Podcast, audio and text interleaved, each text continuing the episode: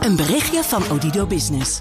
Hoe groot je bedrijf ook is of wordt, bij Odido Business zijn we er voor je. Met unlimited data en bellen en met supersnel en stabiel zakelijk internet. Ook via glasvezel. Ontdek wat er allemaal kan op odido.nl/slash business. Het kan ook zo. BNR Mobility wordt mede mogelijk gemaakt door ALD Automotive en BP Fleet Solutions. Today, tomorrow, together. BNR Nieuwsradio. Mobility. Meindert Schut en Nout Broekhoff. Met de provinciale statenverkiezingen in aantocht lanceert Transport en Logistiek Nederland vandaag een manifest. Ja, het ligt hier uh, op tafel, een, een dik document. Nou, dat valt wel mee, is goed leesbaar. Ja, zeker weten. TLN uh, vraagt uh, onder meer aandacht voor de bereikbaarheid van provincies en de uitdagingen om verder te verduurzamen. we spreken zo de voorzitter. Maar eerst. Kunnen persoonlijke rijadviezen de doorstroming van verkeer op een snelweg verbeteren? Nou, Rijkswaterstaat, de TU Delft en Zuid-Holland Bereikbaar hebben daar met behulp van Flitsmeister anderhalf jaar onderzoek naar gedaan. En dat allemaal onder leiding van Victor Knoop, universitair hoofddocent verkeersdoorstroming aan de TU Delft. Welkom in de uitzending. Goeiedag. Deze pilot is uitgevoerd op de A4 bij Leiden, eigenlijk tussen Den Haag en Amsterdam.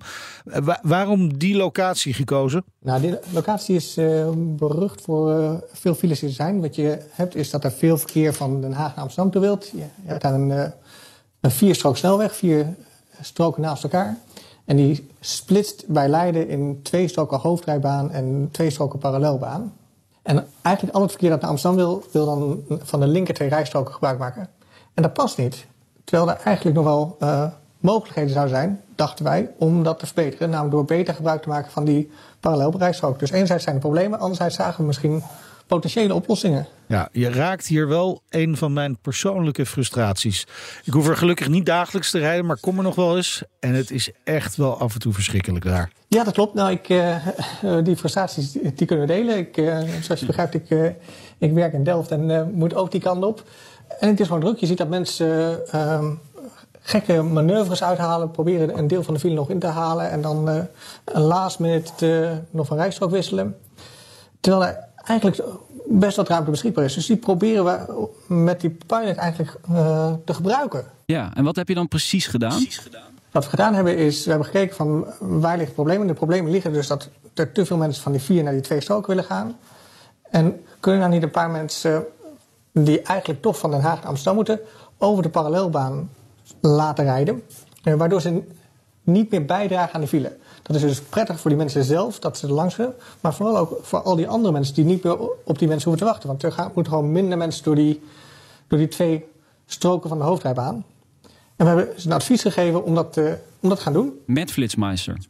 Met Flitsmeister. Dus het, eh, de bebording is nu zodanig dat de Amsterdam op de linker twee rijstroken staat. Terwijl de rechterrijstroken alleen maar de afrit en, en Leiden zijn. Wat we eigenlijk zouden willen is dat sommige mensen die ook naar Amsterdam wilden uh, van die rechterrijstroken gebruik maken, maar niet iedereen. Dus daarvoor was Flitsmeister een, een, hele mooie partner in dit project. Waarbij we mensen individueel een bericht konden geven op hun telefoon. Als je naar Amsterdam moet, uh, kun je ook over de rechter, rechterrijbaan over de parallelrijbaan, want het komt toch later bij elkaar. Oké, maar hoe bepaal je dan wie wel dat advies krijgt en wie niet? Um, je zei, we zijn anderhalf jaar met de pilot bezig geweest. Een deel daarvan was inderdaad bepalen van hoeveel mensen die nou die, uh, dat advies wilt geven. Wat we eigenlijk wilden weten is, uh, waar, waar ligt nou dat optimum? Als je te veel mensen naar, naar de parallelstrook zou sturen, wordt het probleem dat er nu is alleen maar groter. Wat eigenlijk heel bijzonder is afkeer, met een hele kleine verandering kun je al heel veel dingen te bereiken. Wat we uitgezocht hebben is dat uiteindelijk 2%, niet meer dan 2% van de mensen uh, die naar Amsterdam moeten van de hoofdrijbaan naar de parallelbaan zou moeten. Dat is eigenlijk heel weinig. Dat is heel weinig. Dus het, het feit dat je met zo weinig mensen uh, al een groot, groot effect kunt sorteren is, is heel bijzonder. Dat betekent ook dat je, dat je analyses en je, en je voorspellingen uh, zo nauwkeurig moeten zijn. Die zijn heel nauwkeurig. Daar, daar hebben we dus aan gewerkt om dat zo, zo goed te krijgen. En dat betekent dus dat we maar een deel van de mensen moeten adviseren adviseren. En die moeten dat vervolgens ook doen. Is het makkelijk dus om dat gedrag aan te passen ook? Uh, het zijn dus eigenlijk drie, drie stappen. Ten eerste heeft niet iedereen een, uh, een Flitsmeister-app die draait. Je weet van tevoren al dat niet iedereen die, die het advies krijgt... daadwerkelijk het advies opvolgt.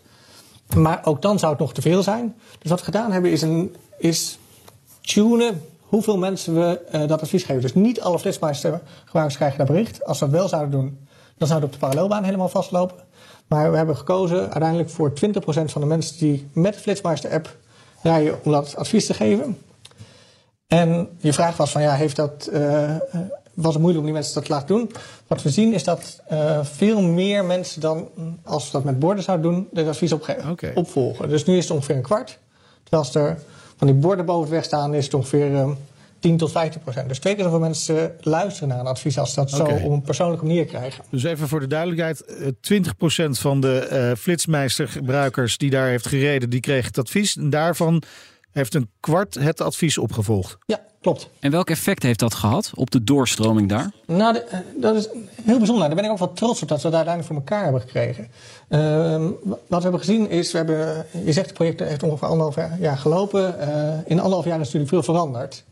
En dus we zaten anderhalf jaar geleden met z'n allen nog thuis te werken. En de verkeerssituatie is, is niet echt vergelijkbaar. Er is echt veel meer verkeer gekomen. Dus ongeveer 20% meer verkeer gekomen nu dan toen we begonnen met de proef. Desondanks zien we dat de file niet vermeerderd is. Dus we hebben, als je het normaal gesproken zou hebben, dan zou de file behoorlijk veel gegroeid zijn. Zoals eigenlijk in het hele land er veel meer files gekomen zijn. We zien hier dat mensen het advies opgevolgd hebben. Dat kunnen we gewoon meten. En we kunnen zien dat de file daardoor eh, niet verlengd is. En dat, eh, dat is, vinden wij een heel mooi resultaat. Ja, de file-druk is eigenlijk gewoon hetzelfde gebleven. Ondanks dat er meer verkeer was. Ja. En dit was een pilot, dus eh, moet je daar dan wel mee stoppen? Eigenlijk niet dus. Nee, nou, dat hadden wij, hebben wij ook geconcludeerd met elkaar. Uh, dus vanuit, het, vanuit de, het hele verkeersbeeld is het verstandiger om, het, uh, om dit advies aan te laten staan. Dat is voor iedereen beter. Ook voor de flitsmeistergebruikers. Die zijn er zelf ook tevreden over. Daar hebben we ook naar gevraagd. Dus zowel uh, Rijkswaterstaat, die vanuit de algemene gebruiker redeneert... als flitsmeister die voor zijn eigen klanten kijkt... vinden jullie dat fijn? Iedereen zei van ja, het is van de gekke om nou deze proef... nu die afgelopen is, om het advies uit te zetten. Dus we zijn er ook verder gegaan. En we blijven nu ook na afloop van de pilot nog steeds het advies geven. Oké, maar wat laat deze pilot nou uiteindelijk zien? Dat rijadvies op maat werkt of werkt het vooral op deze specifieke plek? Nou, het laat een paar, een paar dingen zien. Ten, ten eerste dat je dus eigenlijk met het beïnvloeden van maar een heel klein gedeelte van de, het verkeer een wezenlijke verandering van de files kunt bereiken. Ten tweede dat individuele rijadviezen goed werken. Dus mensen die krijgen dat bericht en een groot deel van de, de mensen past dan zijn, zijn rijgedrag daarop aan. Dus de methode om uh, rijgedrag te bewerkstelligen via een app werkt ook. En dat betekent dat we dit soort principes ook op andere plaatsen zouden kunnen gaan uitvoeren. Nou, dat wilde ik net zeggen. Ja, kunnen we dit niet gewoon in heel Nederland gaan doen dan? In principe wel. Natuurlijk moeten we wel uh, ter plaatse kijken wat is nou het uh, beste advies. Ik, kan, ik zal niet tegen uh, alle luisteraars zeggen waar je ook komt, neem altijd parallel aan. Nee. Dus afhankelijk van hoe de situatie is, moeten we gaan bekijken wat is nou een een goede verdeling van mensen over de hoofdrijbaan en parallelbaan. Of over verschillende routes. En dan kunnen we op basis daarvan een, uh, een op maat gemaakt advies uh, ontwerpen. Nou, ik denk dat de aanmeldingen voor knelpunten uh, behoorlijk zullen binnendruppelen na deze uitzending. Dank Victor Knoop, universitair hoofddocent verkeersdoorstroming aan de TU Delft. BNR Mobility. Transport en Logistiek Nederland grijpt de provinciale statenverkiezingen die over ruim een maand plaatsvinden aan om vandaag een manifest te lanceren. Ik heb het hier in mijn handen. Elisabeth Post is voorzitter van Telen. Welkom. Dank u wel. Fijn dat je er bent. Een uh, manifest. Ja. Waar is dat voor nodig? Omdat uh, alle provincies opnieuw plannen gaan maken voor de komende vier jaar na de verkiezingen. Uh, hè, we weten allemaal, het zijn ook landelijke verkiezingen, maar eerst en vooral gaat het natuurlijk over de provincies. En die provincies die gaan over onderwerpen die voor ons, uh, uh, onze sector, transport en logistiek, echt super belangrijk zijn. Uh, zij plannen bijvoorbeeld waar woningen komen en waar bedrijven. Zij plannen waar infrastructuur komt. zij gaan ook over de verduurzaming. Zij gaan over bereikbaarheid, bedrijvigheid duurzaamheid. Kortom, dat zijn allemaal onderwerpen die ons als uh, transportondernemers echt uh, bezighouden. Ja, ja, ja, absoluut. Ja, daar sta je eigenlijk niet zo bij stil. Je denkt het gebeurt in Den Haag of in de gemeente, maar de provincie speelt dus echt wel een, een cruciale rol voor jullie achterban. Ja, heel erg. En wij hopen ook dat we elkaar kunnen vinden in de komende periode. Ja, want dat lukt nu minder goed of niet? Nou ja, ik zie wel dat er soms ontwikkelingen gaande zijn, ook wel sentimenten zijn, waar wij, uh, waarvan wij denken, ja, dat zou eigenlijk anders en beter kunnen en moeten. Zoals? de laatste tijd hoor je veel discussie over de verrommeling van het landschap, over logistiek vastgoed. Natuurlijk is het dan heel makkelijk om te zeggen, ja weet je, doe maar niet al die logistieke centra. Uh, maar tegelijkertijd, als we meer inwoners krijgen die ook willen eten, uh, die kleding willen hebben, die naar het ziekenhuis moeten kunnen, ja. Uh, dan is het wel handig als die spullen ook ergens opgeslagen worden. Want we hebben ze vaak snel nodig. En dat betekent dat tussen het moment waarop ze ingevoerd worden in ons land en het moment waarop we ze nodig hebben, ze wel ergens bewaard moeten worden. Maar, maar dat is toch een balans waar we altijd mee bezig zijn tussen provincies en logistiek. Dat, dat zijn jullie toch wel gewend? Ja, maar de discussie is natuurlijk onder invloed van de passage die daarover in het regeerakkoord is terechtgekomen, wel verscherpt.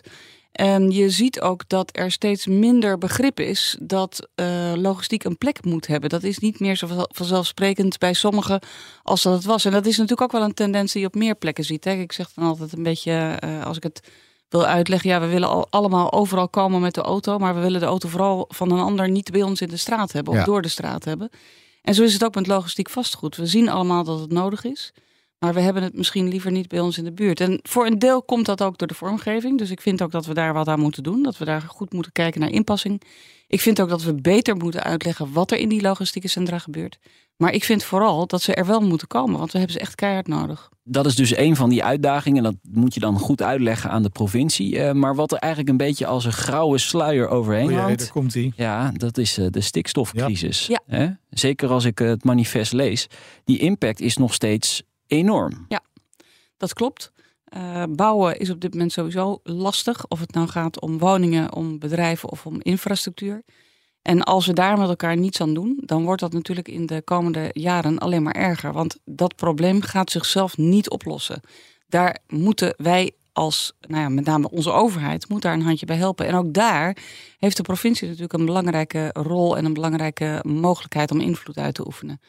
En ja, het zou uh, goed zijn als ze die rol ook zouden pakken. En dan het liefst ook nog een beetje gecoördineerd. En wij dragen daar als sector natuurlijk ook aan bij. Hè? Mobiliteit zorgt ook voor ja. uh, noxen, zoals dat dan in ja. het jargon heet. Uh, dus ik vind ook dat wij aan onze stand verplicht zijn om te helpen om een deel van het probleem op te lossen. Wat, wat zijn de gevolgen als dat niet gebeurt? Dan zit het land op slot. Ja, ja, maar dat zit het nu al eigenlijk hè, voor een groot deel. Uh, zeker als we naar de bouwopgave kijken. En dan komt dus de infrastructuuropgave uh, voor de transport ook nog bij. Ja. Als we met elkaar besluiten dat het zo erg niet is als er een paar dagen geen melk is in de supermarkt. Of als we het niet erg vinden dat medicijnen niet meer direct voorradig zijn. Maar dat je daar zes weken op moet wachten. Als we het prima vinden dat ziekenhuizen niet meer bevoorraad worden. Als we het goed vinden dat uh, je in winkels niet direct meer kleding kunt kopen. Maar uh, mm-hmm. dat, je, uh, dat je dat al helemaal niet thuisbezorgd kunt krijgen. Dan is het een stuk makkelijker op te lossen dan wanneer wij vinden dat de pakketjes toch wel ja, liefst morgen, maar anders toch eind van de week wel bij ons op de stoep ja, maar, maar op dit moment is dat natuurlijk gewoon zo, hè, dat dat wel voor elkaar gekregen ja. wordt. Wat, wat is er voor nodig om dat in de toekomst nog steeds te garanderen? Nou, ik denk dat we ons met elkaar moeten realiseren dat we wat dat betreft echt een, een, uh, een super geoliede machine heet, uh, hebben die logistiek systeem heet. Uh, wij zijn natuurlijk van oudsher als geen ander in staat om logistieke stromen efficiënt en effectief vorm te geven. Ja. Wat niet wil zeggen dat het niet altijd een tandje beter kan. Want dat ook wou ik daarvoor... zeggen, ja. Ja, ik heb die ambitie wel, hè. Ik vind het moet altijd, elke dag moet een stukje beter uh, kunnen. Kijk, logistiek is voor ons natuurlijk geen doel op zich. Nee. Het is altijd een afgeleide van. En op het moment dat ons inwoneraantal groeit, dan hebben we dus ook meer logistiek nodig. Want dan moeten er simpelweg meer goederen vervoerd worden. Als we dat niet willen, dan moet je kijken, ja, moeten we dan iets doen aan het aantal mensen dat we in ons land hebben. Nogmaals, ik ben geen uh, bestuurder, ik ga daar niet over. Maar het is niet zo dat je simpelweg kunt stoppen met de logistiek als wij een groeiend inwoneraantal hebben. En vooralsnog groeit dat aantal mensen dat ons land uh, bewoont, groeit alleen nog maar. Ja, en wordt geconcentreerder natuurlijk ook. Ja, omdat... Uh, in stedelijke gebieden. Zeker, 13% van ons land is, uh, is bebouwd. De oppervlakte van 13% is bebouwd. Daar doen we dus eigenlijk alles. Daar werken we, daar wonen we, daar recreëren we. Daar hebben we onze infrastructuur. Uh, 54% is landbouw en 33% is natuur en water.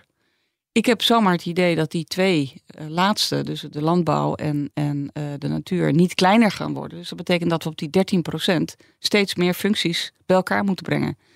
En ja, ook daar heeft de provincie natuurlijk een belangrijke rol. Want die gaan precies ja. over dat grotere plan, wat niet de best het bestemmingsplan van een gemeente of een, of een stad is. Maar die gaan met name over uh, de indeling in de provincie.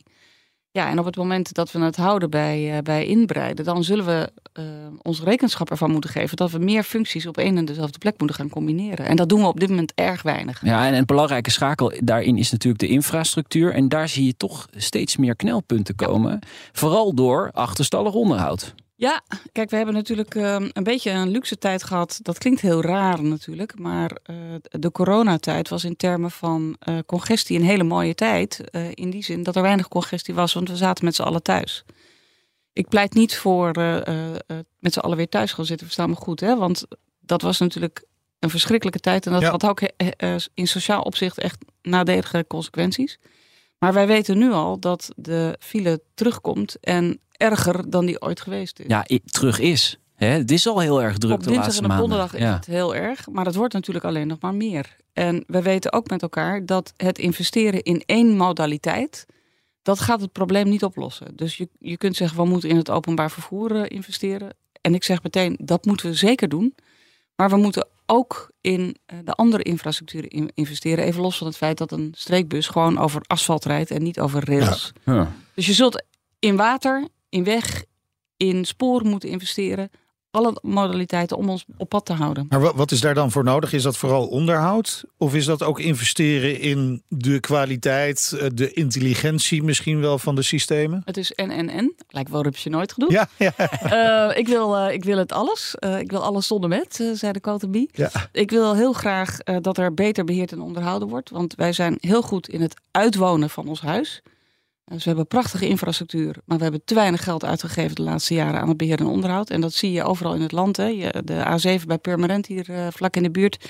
Uh, daar mag het vrachtverkeer niet overheen. Uh, de Haringvlietbrug is oud en de dagen zat. de Brieneoordbrug moet aangepakt worden. de Rozenoordbrug bij Amsterdam hier ook is gammel. Kortom, er is heel veel infrastructuur die nou, tussen de 60 en de 100 jaar oud is. En we weten dat dan ook echt het eind in zicht is. Dan moet het allemaal op de schop. Maar we hadden er iets langer mee kunnen doen als we er beter op gepast hadden. Hm. Het is net als met je huis. Als je nooit schildert aan de buitenkant, dan moet je op een gegeven moment de kozijnen vervangen. Dat is een stuk duurder dan schilderen elke keer.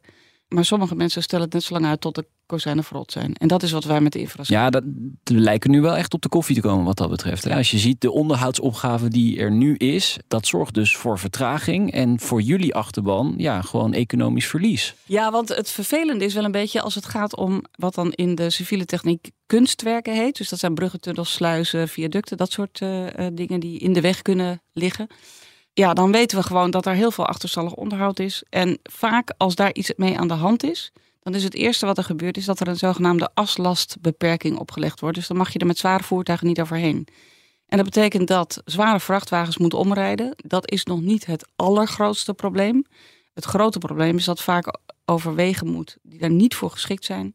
Dat je dwars door kernen van dorpen heen moet, waar kinderen op de fiets rijden, wat je liever niet wil. Onveilig. Ja, dat geeft onveilige situaties. En het leidt ook tot extra stikstofuitstoot, extra kosten, extra tijdverlies, extra inzet van mensen. Ja. En daar hebben we al een tekort aan. Kortom, hoe beter we de spullen onderhouden, hoe beter het voor iedereen is. Maar het, het, is niet zo dat er natuurlijk helemaal niks gebeurt. Maar ja, we moeten wel met het budget dat er is, moeten we keuzes maken, toch? Ja, en, en dat is tegelijkertijd de ellende. Want dan kies je niet voor het voorkomen van problemen, maar dan kies je voor het uh, oplossen achteraf van problemen. En Papa ik zou nat zeggen, houden. ja, want nogmaals, Rijkswaterstaat doet echt wel zijn best, daar ben ik van overtuigd. Maar als je maar de helft van het geld hebt wat je eigenlijk nodig hebt, dan kun je niet alle problemen voorkomen. En dat is precies waar deze sector, transport en logistiek, dan direct last van krijgt. Kijk, de gemiddelde automobilist zal dat waarschijnlijk niet zo snel in de gaten hebben.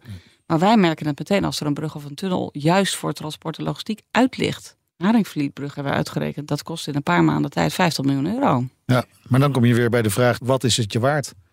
Ja, wat is het je waard? Maar ik zou denken dat als je met elkaar als automobilisten, uh, zakelijk en, uh, en uh, personenvervoer, 18 miljard per jaar oplevert, dan mag je toch verwachten dat in de keuzes die gemaakt worden er wel iets teruggaat naar die automobilist die die 18 miljard opbrengt. En we zien nu dat dat gewoon sinds jaar en dag niet gebeurt. En sterker nog, dat we eigenlijk bezig zijn om uh, uh, onze spullen uh, kapot te maken. Helder. Nog heel even naar een ander onderwerp. Verduurzaming. En dan vooral de omschakeling naar zero-emissie voertuigen. Komt dat nou een, een beetje van de grond? Die transportsector die wil heel graag, hè? Ja. Die uh, transportlogistiek. Maar-. Het is meer dan alleen de, de voertuigen. Hè? Het gaat natuurlijk ook om het verduur- verduurzamen van de gebouwen. Want er Ja. is veel logistiek vastgoed. Ja. Dat wordt verduurzaamd. Eh, we kijken naar waar we eh, eh, van fossiel naar hernieuwbaar kunnen. Dus dat betekent dat je bijvoorbeeld naar HVO gaat, naar, naar, eh, naar biodiesel, zal ik maar zeggen. Ja. Want nog niet elk type transport is geschikt voor elektrisch. Als je echt hele zware dingen over lange afstand moet vervoeren, dan lukt dat gewoon niet met een elektrische vrachtwagen. Eh, maar weet je, het goede nieuws, er was vorig jaar eh, eh, mei was er een subsidieregeling voor elektrische vrachtwagens. En in twee uur tijd was dat ding twee keer, meer dan twee keer overtekend. Dus die Ja. ondernemers die willen heel graag.